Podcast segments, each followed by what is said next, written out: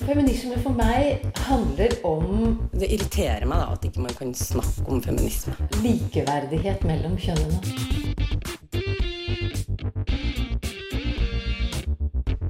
Det blikket på kvinnen på film. handlet det om å bli tatt på alvor som jente. Du hører på Et eget rom på Radio Nova. Erna Solberg har sagt at hun er åpen for å forhandle om paragraf 2c i abortloven, som i dag sikrer at man kan på bakgrunn av sykdom få abort etter uke 12. Hva vil en endring i loven egentlig innebære, og hva er målet til politikerne?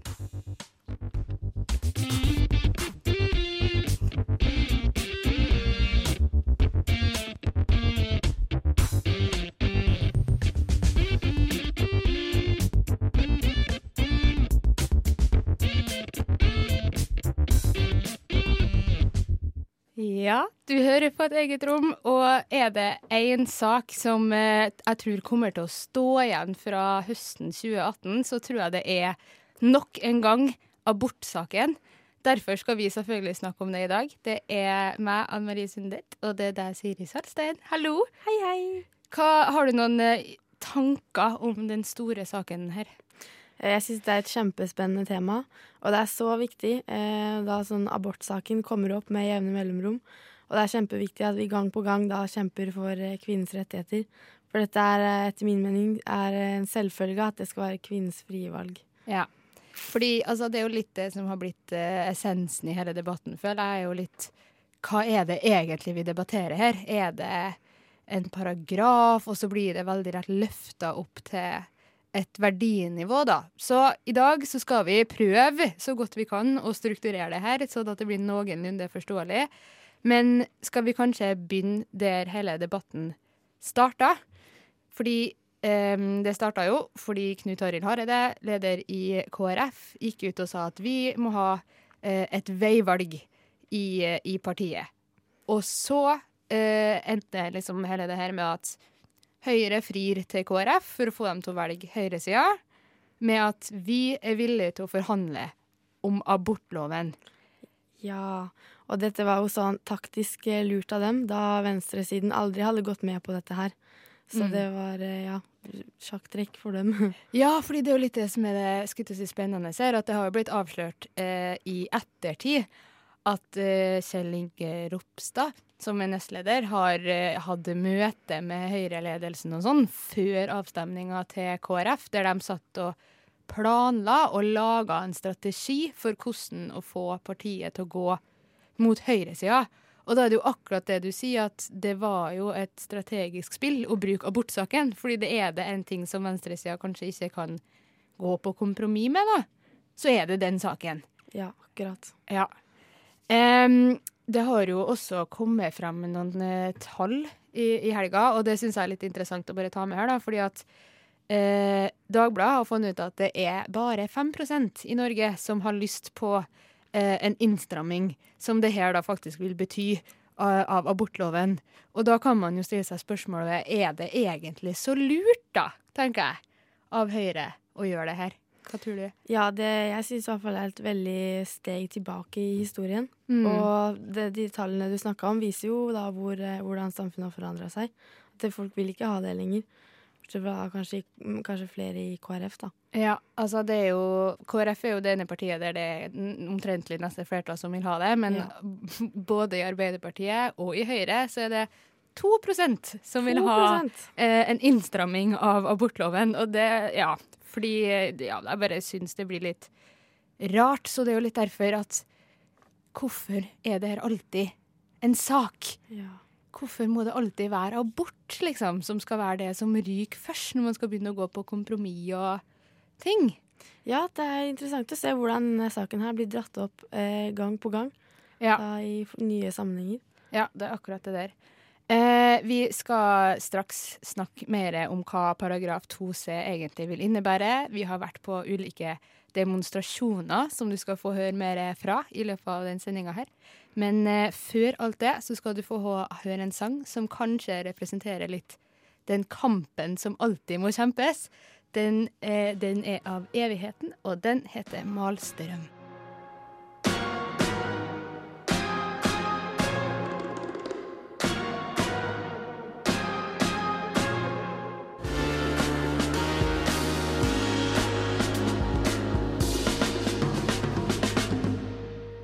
Ja, det var evigheten, det, med Malstrøm. Eh, vi skal jo bruke mesteparten av den sendinga her på å snakke om den debatten som skjer i Norge i dag. Men det er jo ikke å komme unna at det her har vært en debatt i veldig lang tid her i Norge. Veldig lang tid. Altså, det er jo første gangen vi fikk vedtatt den abortloven med selvbestemt abort. 1978. 40 år siden. Eh, etter det så føler jeg vi har brukt tid på å forsvare den loven med veldig jevne mellomrom. Hva tenker du? Ja, akkurat. Den um, har jo blitt eh, truet eh, i ulike situasjoner og av forskjellige ting. Det har vært eh, reservasjonsrett tidligere og endringer av abortlov og ja, mye. Mm. Så ja, det er jo viktig arbeid.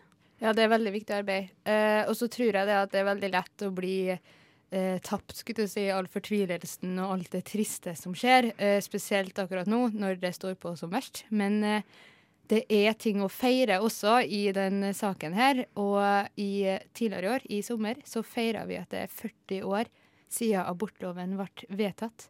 Der var Linda Therese Rosenberg i vår redaksjon, og hun har laga et sammendrag av det for oss. Mennene sitter og skal stemme rundt et bord. Med ett er kvinnens rett borte i et forord.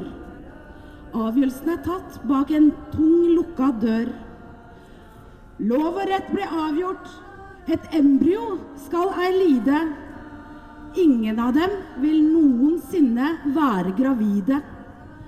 Så de kan spy ut lovtekster fra jussens latside.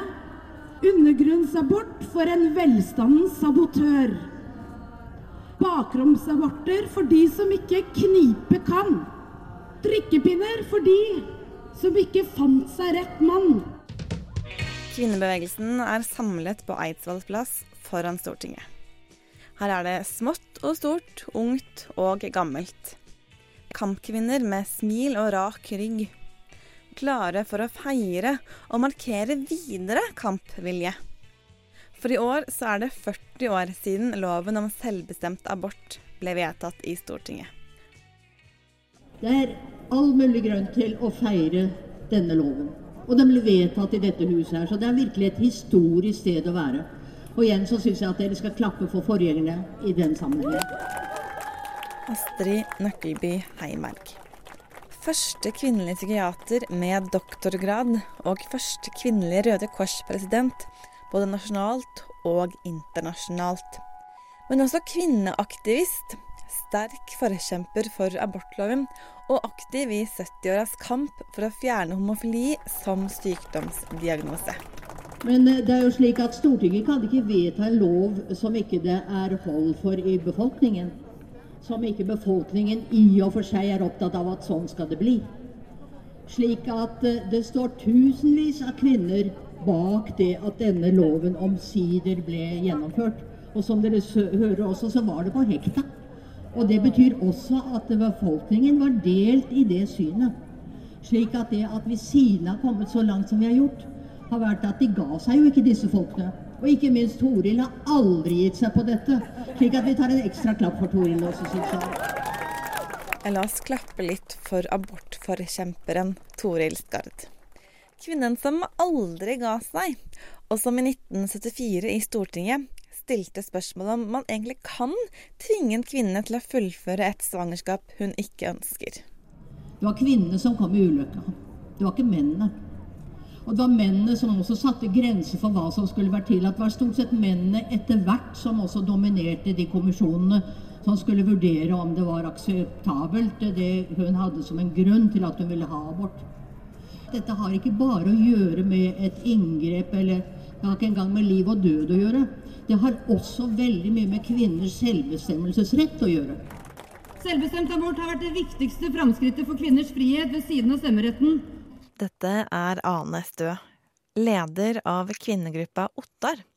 Kvinnegruppa som er oppkalt etter en av de viktigste pionerene i Norden når det gjelder seksuell helse, nemlig Elise Ottesen Jensen. Elise var opptatt av at kvinner skulle ha råderett over egen kropp. Kampen for kvinners rett til prevensjon og sikre abortmetoder var den gang, som i verden i dag, både et kjønns- og et klassespørsmål. Kvinner fra borgerskapet har kunnet dra f.eks. til England eller kjøpe seg ut av elendigheta på trygt vis. Arbeiderklassekvinner og enslige har ikke hatt de samme mulighetene. Vi skal heller ikke legge skjul på at religiøs innflytelse er en viktig grunn til begrenset rett til prevensjon og abort. Patriarkatet bygger på kontroll med kvinners seksualitet og kropp. Der prestene får innflytelse på politikken, må kvinners rettigheter og frihet som oftest vike. Retten til å bestemme over egen kropp og seksualitet er det viktigste spørsmålet for jenter og kvinners liv og helse i verden. Og vi er stolte av abortloven vår. Men vi vet at loven er under angrep også i Norge. Og det gjenstår fortsatt mye for å sikre kvinner fullstendig råderett over egen kropp. Det er på høy tid å utvide retten til selvbestemt abort også til 18. svangerskapsuke. Det er ingen grunn til at kvinner som oppdager graviditeten seint, finner skade på fosteret eller opplever en endret livssituasjon, skal måtte søke en nemnd om å få ta abort. Selvbestemt abort innebærer jo et prinsipp om at kvinnen selv, hun som er gravid, er den mest kapable til å bestemme over om det er forsvarlig å gjennomføre svangerskapet eller ikke. Med lov om selvbestemt abort så vil vi unngå ulovlige aborter. Vi ville unngå vanskene med å gjennomføre en umulig og urettferdig lov. Og vi ville unngå å krenke kvinnenes moralske frihet og ansvar. Dette er et utdrag fra talen til Toril Skard om fortellingen om hvordan abortloven ble til, og om en rettighet som kvinner i andre land fremdeles må kjempe om. For å beholde eller for å oppnå. Jeg står her i dag med utrolig mange forskjellige følelser. Jeg står her og gleder meg. At vi kan feire 40 år av selvbestemt abortlov i Norge at det finnes så fint sted i verden hvor kvinner må ikke være livredd når de ser på graviditetstest. Malgorzata Jonsi Adamska er en av de mest fremtredende polske aktivistene som både i Polen og i Norge kjemper for å bevare retten til selvbestemt abort i hjemlandet. Jeg står her og jeg er sjalu. Jeg kjenner ikke hvorfor det er nok til å føde med andres statsborgerskap for å ha menneskerettigheter, kvinnerettigheter, rettigheter til lovlig og trygg abort. Jeg er sjalu at kvinner i Norge har hatt så viktige rettigheter i 40 år. Jeg står her, og jeg er redd. Jeg er redd for katolske organisasjoner som kommer til polsk Stortinget med ny lovforslag ca. tre ganger i året nå selv om vi har allerede så streng abortlov. Jeg er redd for regjeringsparti har majoritet i Stortinget, og de kan gjøre hva de vil med polsk lov. Jeg skjønner ikke hvordan det er mulig at noen folk, særlig katolske folk, synes at de har rett til å bestemme om min kropp. Kjære feminister, kjære helter, Kjære pionerer, gratulerer med dagen. Ja, det var Linda Therese Rosenberg det, som var på markeringa til 40-årsjubileet til abortloven. Avslutta den med å si gratulerer med dagen. Det er kanskje det vi skulle ha håpa vi kunne ha sagt en gang for alle, og vært ferdig med det.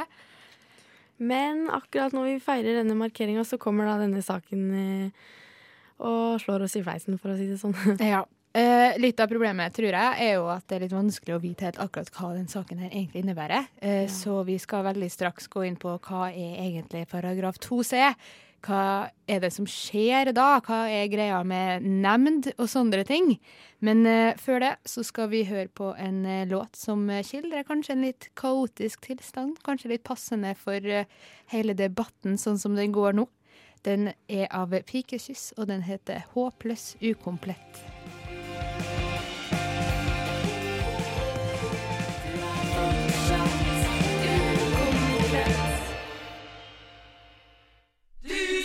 Sliten og sinna og lei. Nå vil vi synge ei vise til deg om at kvinner kan si fra, protestere og slåss. Bli med hos oss. Du hører på Et eget rom. Likestilling kommer ikke av seg selv. Ja, likestilling kommer ikke av seg sjøl, folkens. Derfor er det viktig at vi fortsetter å prate om det. Det er det Anne Marie og Siri som gjør i et eget rom i dag. Og nå har vi kommet dit at vi skal prøve å forklare litt hva egentlig er situasjonen her. Og det vet jeg at du har forberedt deg på, Siri. Ja, for eh, som sikkert mange vet, så har man eh, selvbestemt abort fram til eh, uke tolv i svangerskapet. Men den første rutinemessige ultralyden er ikke før uke 18. Og det er på denne undersøkelsen man får vite om eventuelle misdannelser hos fosteret.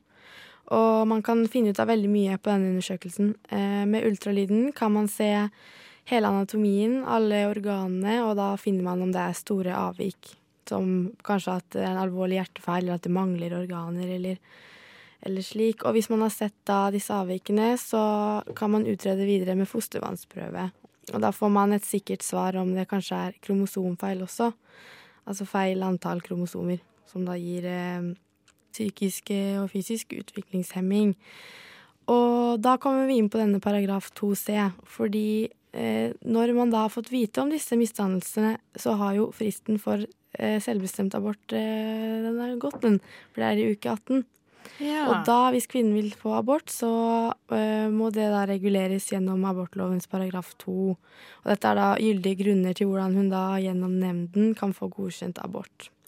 Ja. Skal vi bare ta dem kanskje? Ja. Ja. Eh, Paragraf 2a og b de handler vel om kvinnens eh, psykiske og fysiske helse. Mm. Om den er god nok, eller om eh, eh, vanskeligheter i hennes helse gjør at hun ikke kan bære frem et barn. Og så var det vel også noe om hennes livssituasjon. Ja, fordi det er jo A, B, C, D og E, så det er jo fem forskjellige. Og det helt riktig som du sier, A og B handler jo om kvinner sin fysiske og psykiske helse, og eh, barnet sin fysiske og psykiske helse, da, som er liksom C-en, ikke sant. Ja. Eh, og så D er hvis at hun blir gravid under kriminelle forhold, skulle jeg si, for eksempel ved, av en voldtekt. Eh, og E er om kvinner er eh, som det står, alvorlig sinnslidende eller psykisk utviklingshemmet i betydelig grad. Ja. Ja. Eh, sånn at hvis du fjerner den C-en, da, Ja. så gjør det jo egentlig at eh, sykdom hos barnet ikke lenger er gyldig grunn. Da. da må det være forholdet hos kvinner som er gyldig grunn. Ja, ja, for den 2C handler jo da om eh, hvis eh, barnet har alvorlige misdannelser. Som det er dette man kunne finne ut av i denne rutineundersøkelsen. Og, men det blir jo et problem hvis kvinnen ikke har en vanskelig situasjon i livet, men uh, likevel vil ta abort da, fordi man finner ut at barnet har så store misdannelser. Og KrF de ønsker jo å fjerne denne paragrafen. Og da kan det jo hende at eh, mange kvinner ikke får innvilget eh, abort.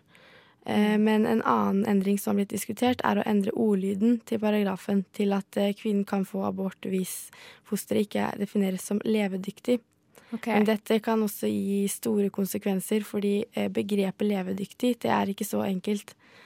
Fordi det, da kan kvinnen få nektet abort eh, fordi fosteret regnes som levedyktig, altså at det har et hjerte som slår. Men det betyr ikke at eh, fosteret ikke har alvorlige misdannelser, som fortsatt kan være en stor belastning for kvinnen, eller gi dette fosteret en veldig vanskelig fremtid. Ja, sant. Det akkurat det der at uh, da blir det kun kvinner sin situasjon, da, på en måte, som kan gjøre at man får abort, selv om man tragisk nok kanskje har et barn som ikke vil overleve mer enn si et par år, da. Mm. Og så blir man likevel skutt og si, tvunget til å bære frem og føde det barnet Ja. fordi man ikke sjøl er i en si, vanskelig nok situasjon. Ja, nettopp. Og det Ja. fins eh, kromosomfeil som er veldig, veldig alvorlige, hvor eh, fosteret kanskje kan være levedyktig um, og kanskje leve noen år etter fødsel, men at dette vil være et veldig komplisert liv hvor, eh, som ikke på noen måte kan sammenlignes med et normalt menneskeliv. Ja, sant. Fordi man kan ha skulle si, altså, Ja, du kan ha et barn som er veldig syk, da. Og som kommer kommer til å være syk i veldig lang tid. Ja. Ja, sant. Og kanskje fosteret har en eh, misdannet hjerne, men hjertet slår fortsatt, og da defineres det som levedyktig. Ja. Ja, det er jo én ting til, eh, apropos det praktiske her, er jo at eh, det er jo sånn i dag at man må gjennom en nemnd. Eh, og der er det jo eh, leger som sitter i den nemnden, som da skal avgjøre om på en måte din situasjon kvalifiserer til en av de eh, punktene da, i loven om abort. Eh, og det er jo en del som argumenterer for at man må nevne, gjennom en nemnd i dag òg, så derfor så spiller det ikke så veldig stor rolle. Men en av de tingene som den loven her, hvis den endres, da, eh, kan føre til, er jo at man da må sitte foran en gjeng med leger og argumentere for at livet sitt er så vanskelig eller så fælt, eller at man sjøl har det så vanskelig eller så fælt, at man eh, må få abort på grunn av det. Eh, og det er jo flere som har gått ut og uttalt at det er en skikkelig dårlig ting å gjøre mot damer, fordi den situasjonen er mer enn vanskelig nok i utgangspunktet, om du ikke må begynne å brette ut om ditt eget liv i tillegg, da. Ja, ja, ja, helt klart. Og da kan det jo være Da er det jo veldig greit å ha denne 2C. At det er en mer konkret grunn at dette fosteret er så sykt at eh, det blir for belastende. Hvor du da slipper å kanskje snakke om alle de vanskelige tingene man sliter med selv. Ja. Og så er det jo også i tillegg det at man kan jo, man kan jo være en skikkelig ressurssterk person og likevel ha lyst til å uh, gjennomføre en abort. Ja. ja. Det skal være kvinnens valg, det. Ja, det, det skal, skal ikke diskuteres, tenker jeg. Ja. Men det gjør jo det, eh, og mer diskusjon skal vi gjøre. Eh, Men før det så skal vi høre en sang som er meget strategisk valgt for den sendinga her. Den heter Litt dum og kanskje sært. Den er av Antmanns døtre, oppkalt etter romanen til Camilla Collett. Skikkelig kvinnegruppe som eh, lager viser, stifta av Kvinnefronten. Den skal vi høre på. Nå!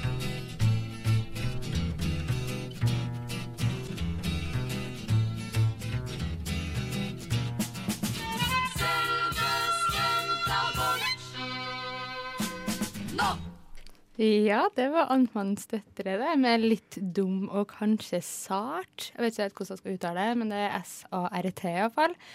En skikkelig sang som jeg føler vi bare måtte ha med i den sendinga her, altså. Ja, den passer så bra inn her. Eh, Det er jo ikke bare Linda som har vært på demonstrasjon det året her. Det har også flere av oss i et eget rom. Og da har vi samla litt lyd fra det også, for å dele eh, med dere. For å vise litt hva er egentlig argumentene som var tatt opp nå når det var demonstrasjon den 17. november for å bevare abortloven.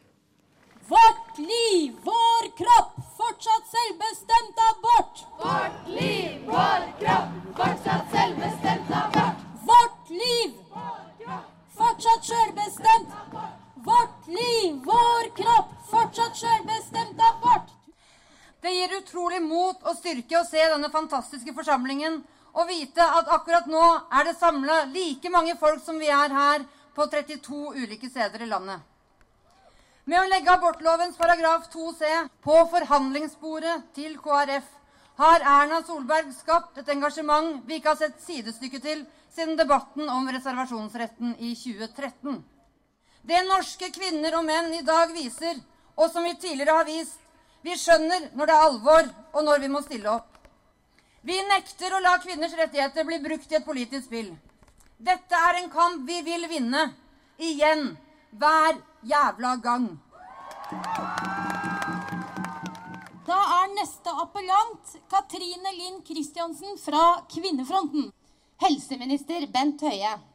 Han presterte å trekke inn homofili og borgerrettighetskampen i USA. Det er ganske utrolig. Dette gjør han for å skape assosiasjoner til diskriminering.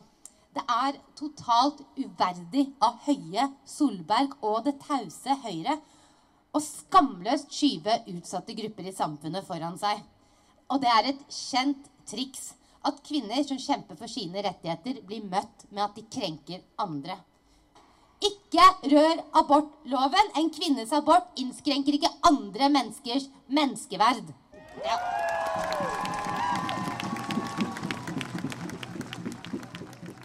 Tusen takk til Kvinnefronten. Da er neste appellant Tone Brekke fra Norsk kvinnesaksforening. Vær så god. Rett etter at norske kvinner fikk stemmerett, argumenterte kvinnesakspioneren Katti Anker Møller for avkriminalisering og selvbestemt abort.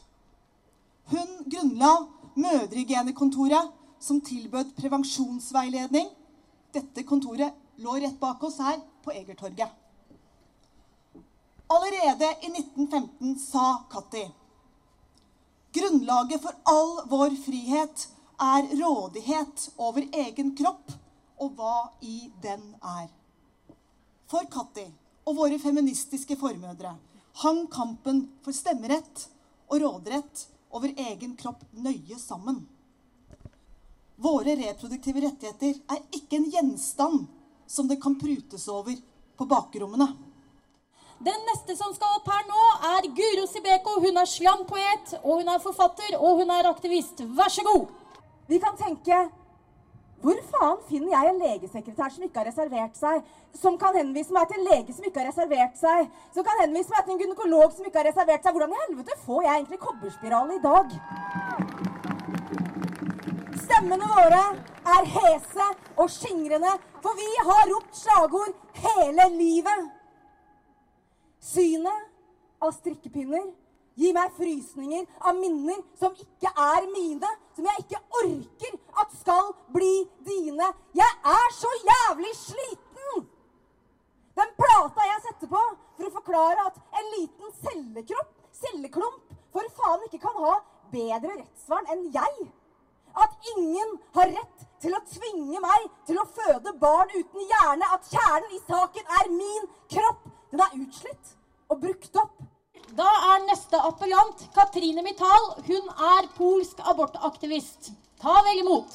Jeg er rasende at vi må diskutere abortloven gang på gang.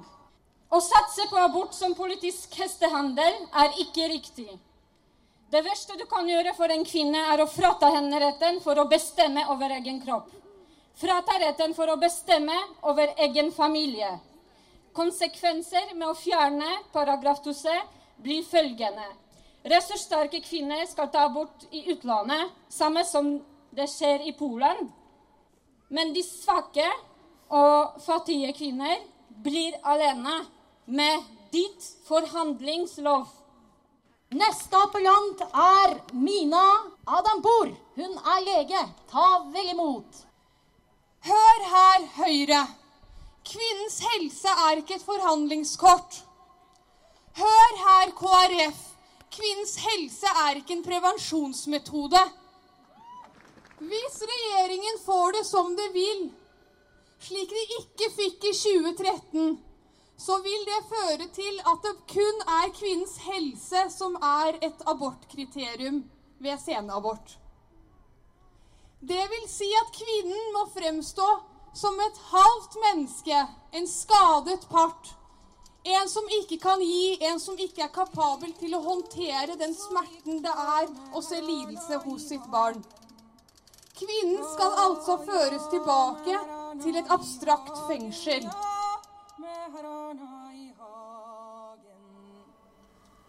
I år har noen ting som sparkar i magen Ai, ai, som sparkar i magen som sparkar i magen Det var, eh, det var også nevnt eh, her fra appellanten at, at dette er jo eh, en historisk veldig lang kamp. Og vi ser jo i forsamlinga her at her er det veldig små folk som har barn, og det er gamle mennesker. Og jeg må bare si voksne kvinner, de mest voksne av dere, tusen hjertelig takk. Vi veit hva dere gjorde, og vi er lei oss for at dere fortsatt må holde på. Dere fortjener en kjempeapplaus for livslang innsats. Vi veit det, vi ser det, og vi skal ta stafettpinnen og gå sammen med dere videre. Ai, ai, og vissa den lille Ai, og vissa den lille Ja, det var litt fra demonstrasjonen som var tidligere foran Stortinget i år, fordi de prøver jo å innskrenke rettigheter og sånn, og det går jo ikke. Ja, Så da mobiliserer vi. Da, da stiller vi opp med varme klær og er klar for, også klar for å gå, som er låta som vi skal høre på nå.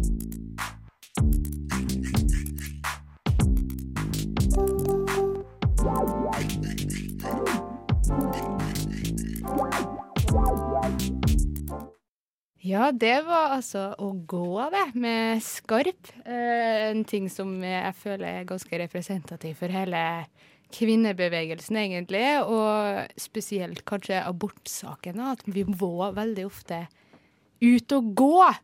Marsjere, demonstrere for rettighetene. Ja. Vis hvor mange vi er, vis hvor stor vi er. Vis at eh, vet du meg hva, det fins en linje, og krysser du den, så møter vi opp hele gjengen. Nesten, iallfall. Ja. Men eh, OK. Nå, Siri, skal vi prøve å snakke litt om eh, hva er det egentlig som er målet til disse politikerne med det her? For det er jo litt sånn som jeg sa innledningsvis, at det høres veldig teit ut for meg. At du har liksom Høyre og Erna Solberg som er eh, de som nå har liksom mest makt, for den saks skyld, i Norge. Og så velger de å bruke abort, av alle ting, som sitt liksom forhandlingskort. Når vi nå, spesielt nå, vet at det er seriøst 5 av alle som bor i Norge, som er enig med det her. At det blir bare litt sånn Why? Ja, det er jo så utdatert, som de tallene du sa viste. Ja. Og jeg syns ikke det er noe greit at eh, kvinners rettigheter skal brukes som et sånt eh, forhandlingskort på den måten der. For det kan jo faktisk gi konsekvenser for eh, så mange kvinner hvis dette her skjer. Mm. Ja, fordi altså Skal vi starte med Skal vi starte med KrF? Ja. ja. Hva har de sagt og gjort her nå, Siri? Nei, KrF vil jo eh, fjerne paragrafen. Det er jo tydelig. Og deres mål med det er jo selvsagt at de vil ha færre aborter. Eh, de går jo rundt og snakker om denne paragraf 2c som eh, sorteringsparagrafen. Fordi de tenker spesielt på Downs syndrom. At eh, det skaper et sorteringssamfunn å abortere bort fostre med Downs syndrom. Fordi de skal jo ha rett til å leve, de også. Mm. Det de ikke tenker på, de har rett og slett ikke fokusert på det helsemessige perspektivet her. At de ser bare på en måte de med Downs syndrom som er forholdsvis funksjonsfriske. Som kan ha det bra, men det finnes jo så mange alvorlige sykdommer også. Ja. Som de ikke har tenkt på. Ja, det er akkurat det. Og du, du snakka jo litt om dem i sted, på en måte. Men jeg føler at man maler et sånn glansbilde, da. Uh, der man bruker kanskje noen mennesker. Eller bruker litt tungt ord, da. Men du får et sånt glansbilde av at det er én måte å ha downs på. At det er på en Mm. måte én måte å være ramma av den der paragraf 2c på, og at det er sånn for skal du si, alle, da. Og det er jo litt farlig, fordi det er jo litt det som er hele kjernen i det her, at hver situasjon er unik og forskjellig, og må på en måte ses på som enkeltsituasjoner, da. Ja, altså det finnes jo så mange alvorlighetsgrader av downs. Det for eksempel er de alvorligste tilfellene med downs, har man jo skikkelig mye hjerteproblemer, eksempel. Mm. Som kan være ordentlig utfordrende, altså. Ja. ja, fordi det er jo ikke til å liksom stikke under stol at eh, KrF er jo veldig for egentlig ganske mange ulike innstramminger av abortloven. De var jo også veldig for eh, endringene som var oppe i dagen i 2013 med reservasjonsrett og eh, rett til å ikke henvise videre for leger og sånne ting. Eh, så det her er jo noe vi har sett og hørt før. Ja. Ja, men Alltid KrF som står i spissen for dette her, må være mot eh, noe abortrelatert, Ja. da. Men sånn i in the name of KrF, liksom, så må man jo også si at det er jo grunner i at de tenker at man skal verne om barnet, og at barnet har samme menneskeverd som eh, alle andre mennesker, på en måte. Og det føler jeg det er jo et legitimt argument. Jeg tror bare det at man har en litt ulikt syn på hvordan man skal faktisk sørge for at det barnevernet da, skulle til å si, blir realisert. Mm. Og da er det også viktig at eh, staten gir godt med støtte til dette. Det, det er en forutsetning, altså. Ja, fordi det er en ting som sånn seriøst jeg syns nesten er litt latterlig. Fordi at eh, det er jo noe av den kritikken som har kommet, at eh, hallo, vi må heller bruke ressurser på å sørge for at eh, man har like muligheter, skulle du si, etter eh, man har hatt eh, valgt å ikke ta abort, da, ikke sant? heller enn å prøve å fokusere på at folk ikke skal ta abort. da. Ja. Og så syns jeg det er veldig morsomt, for da har jo Høyre eksempel, i det nye budsjettet foreslått å øke eh, herregud, hva heter det? De pengene man får fordi man har barn? Barnetrygd, heter det. Eh, Ja. ja, det føles sånn, ja, vi skal øke barnetrygda med 83 kroner i måneden. 83 kroner! Ja. Tenk så mye man kan få for 83 kroner. Ja, og da tenker jeg ja, sorteringssamfunn, det får du når du ikke legger til rette for at alle barn skal ha ulike, nei, like muligheter. Etter fødselen. Det er da det blir sortering, nå, tenker jeg. Mm, topp. Spesielt hvis det er en litt ressurssvak kvinne som nå ikke har fått innvilget abort. Fordi selv om hun har bærer et foster med store misdannelser, så er det jo så viktig at hun får godt med støtte fra staten. Mm. Fordi altså, det andre store argumentet da, til KrF er jo det at de mener at den 2C-paragrafen her nå er diskriminerende. Mm. Altså at de mener det at det er noen mennesker som pga. denne eh, loven blir valgt bort, da, som de så fint sier, blir diskriminert mot, eh, og, og ikke noen andre, og at derfor er en diskriminerende lov. Har du noen tanker om den, eller? Ja, jeg syns ikke helt det holder, fordi det er ikke sånn man tenker på det at man velger de bort Det er på grunn av det er, på grunn av det er alvorlige sykdommer det er snakk om. Jeg tror ikke KrF helt eh, fokuserer på det. Mm. Eller helt skjønner det. At det er ikke bare fordi man velger bare for å velge bort. Fordi et foster som er litt friskere, kanskje er litt bedre. Det er faktisk seriøse, alvorlige sykdommer her. Ja, det er seriøse, alvorlige sykdommer her. Og så det siste, da, som bare jeg føler sånn, som kanskje er det som irriterer meg mest, er at når KrF og andre sier at man må ha en lov, og at man må ha en nemnd for å på en måte verne om det barnet, så føler jeg at det er litt sånn dårlig gjort overfor de kvinner som har tatt abort, og de som vurderer å ta abort. Fordi det er jo litt det samme som å si at vi tror ikke at du er liksom moralsk sterk nok, på en måte, og fornuftig nok til å ta det valget her sjøl. Derfor må vi ha en lov som eh, gjør det for deg, da. Eller som på en måte legger premissene for deg. Og det tenker jeg er sånn skikkelig dårlig gjort for damer som sitter, og familier for den saks skyld, som sitter i den situasjonen her da, og har det skikkelig dritt og må ta det valget. Ja, og det er jo klart at kvinnen selv og familien selv er de som vet best hva de er i stand til. Ja, det er akkurat det. Eh, vi skal jo selvfølgelig snakke litt mer om abort, selv om vi dessverre nærmer oss eh, slutten også. Eh, før det så skal du få høre en sang som også er representativ for dagens tema, folkens. Den heter War av Ciara Sierra Hunter og Gifted Gab.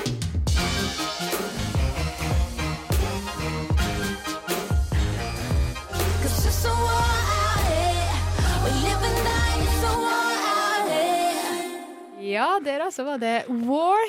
Og nå, Siri, skal vi snakke om Høyre. Høyre. Ja, For Ja. hva har de gjort her, egentlig? Høyre har jo da, for som du sa i stad, de starta med at de prøvde å få KrF på sin side. Og så eh, prøver da, eh, føler at Høyre da prøver å gjøre alle fornøyde, fordi da går Erna ut og sier at nei, endringen i loven her kommer ikke til å endre antall aborter. Det kommer ikke til å gjøre det vanskeligere for kvinnen å få abort. Nei. Nei, fordi hun argumenterer med at vi selv om to C fjernes, så kan de andre bokstavene i paragraf to fortsatt gjøre at kvinnen kommer til å få abort. Så i praksis så vil ingenting endre seg. Ja, men altså, Ja. Det, er jo bare, det er jo bare tull. Fordi Mm. det er jo litt sånn altså det, er som det er jo den der forskjellen mellom å gå inn til en nemnd og være sånn Hei, jeg har et alvorlig sykt barn, eh, jeg vil ta en abort. Og så er det sånn OK, greit, du får det.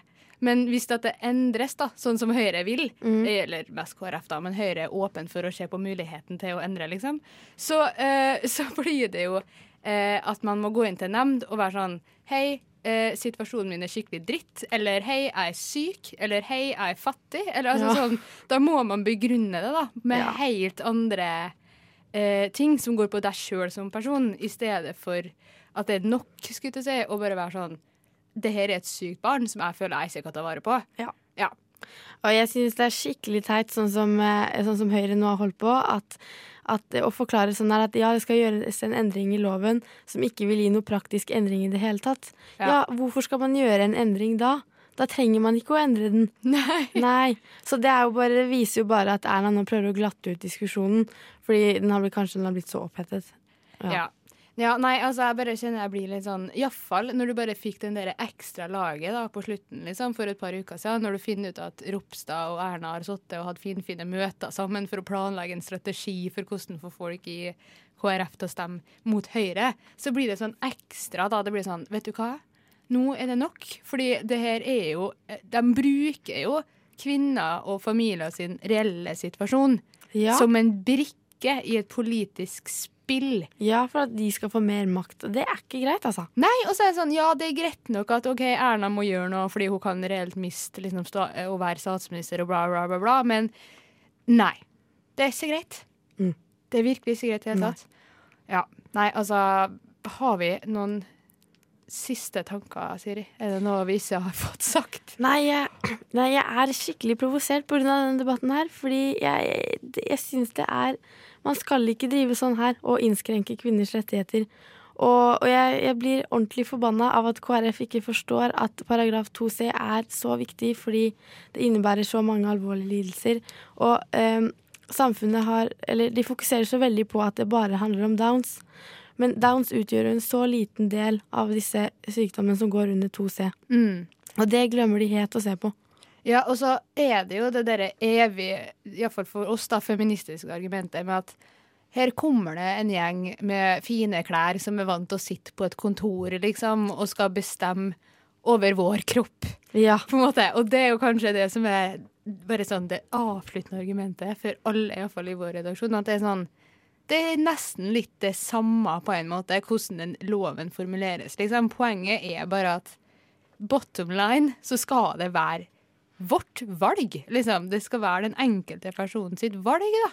Og det er jo det det ikke blir når du setter så mange forutsetninger for det valget. Da blir det sånn, er det egentlig et reelt valg? Ja, ikke sant. Og det er et så stort steg tilbake å i det hele tatt bare diskutere dette her.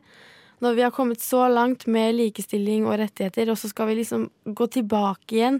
Det er det jeg tenker hver gang abortsaken kommer opp i nye former og nye situasjoner. At hvorfor skal vi gå tilbake? Ja, hvorfor skal vi gå tilbake, og hvorfor må det alltid være abort? Ja. Liksom?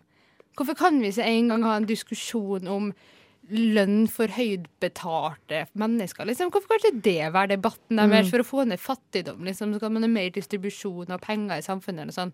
Hvorfor kan ikke det være greia en gang? Liksom? Nei, nei. Det skal alltid være abort. Ja. Ja. Nei, altså Vi har uh, ranta masse akkurat nå. Det var egentlig litt digg. Det var det. Ja, Det var det? Det var litt fint, det der. Eh, vi må bare avslutte vi nå, egentlig. Eh, det er Siri Salstein og Anne Marie Sendet som har vært i studio i dag. Og Linda Therese Rosenberg har hjulpet oss med å lage et sammendrag av aksjonen som var eh, for 40-årsjubileet. Teknikeren vår i dag har vært Magnus Tune. Og med det så sier vi takk for oss.